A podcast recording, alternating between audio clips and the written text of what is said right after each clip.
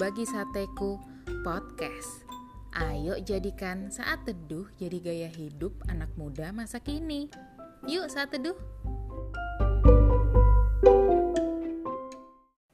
Topik saat teduh kita hari ini adalah apa maksud Tuhan ketika doa kita tidak terkabul?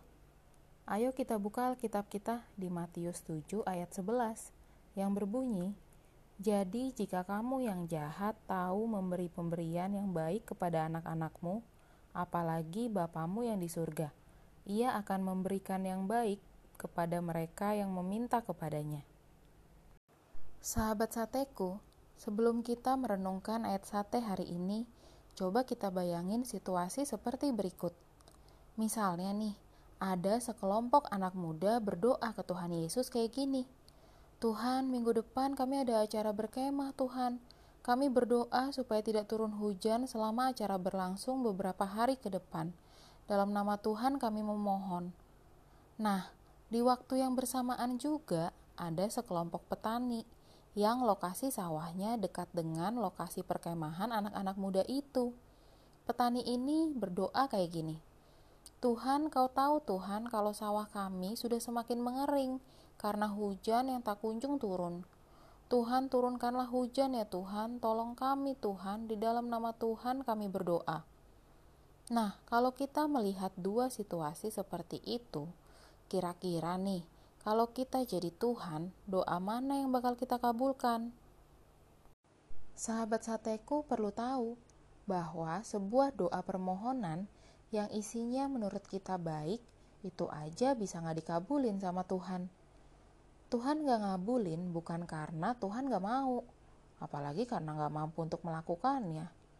Tuhan yang kita sembah adalah Allah yang maha pengasih dan maha kuasa.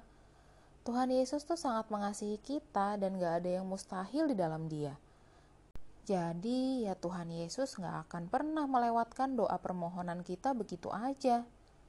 Tapi masalahnya, kita itu cuma manusia biasa kita bukan Tuhan yang maha tahu. Banyak hal yang kita nggak taunya. Bisa aja doa permohonan kita ke Tuhan itu baik sih, tapi ternyata doa kita yang baik itu tuh ternyata nggak mendatangkan kesejahteraan yang terbaik bagi lingkup yang lebih luas lagi. Karena kan cara kita memandang tuh masih sempit, sedangkan cara pandang Tuhan Yesus udah jelas banget luas. Karena itulah dalam kasih dan kebijaksanaan Kristus, dia menolak demi kebaikan kita semua. Bukan berarti kita jadi mikir kayak gini ya. Oh, berarti kalau Tuhan udah tahu semuanya yang terbaik buat kita, buat orang lain, ya udahlah, gak usah doa sering-sering kayak gitu kan? Gitu maksudnya.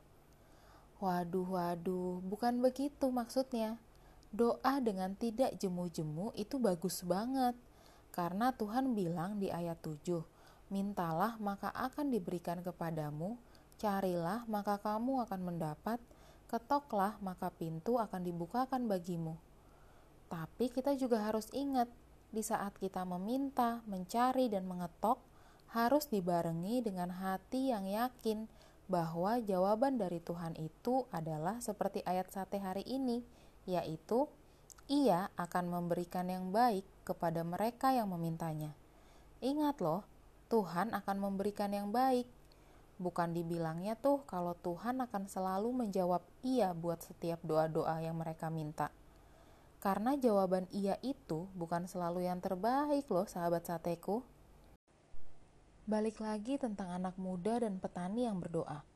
Andaikan permohonan para pemuda tadi dikabulkan, ada kemungkinan para petani akan menderita karena mengalami gagal panen. Kadang-kadang gak mudah memahami hal ini, apalagi kalau kita sudah memohon dengan sungguh-sungguh dan udah gak jemu-jemu berdoa ke Tuhan. Salah satu langkah yang dapat kita lakukan ketika doa kita gak dikabulin, ya kita tuh bisa mempertimbangkan hal buruk apa yang mungkin terjadi jika permohonan doa kita itu terkabul baik itu terhadap diri kita sendiri maupun terhadap orang lain.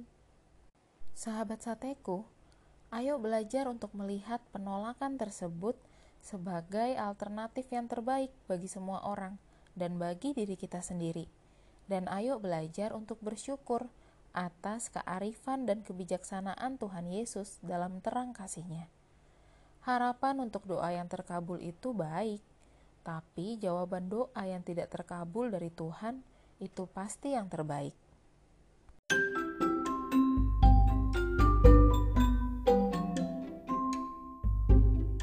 Oke deh sahabat sateku, terima kasih ya sudah saat teduh bersama Bagi Sateku Podcast.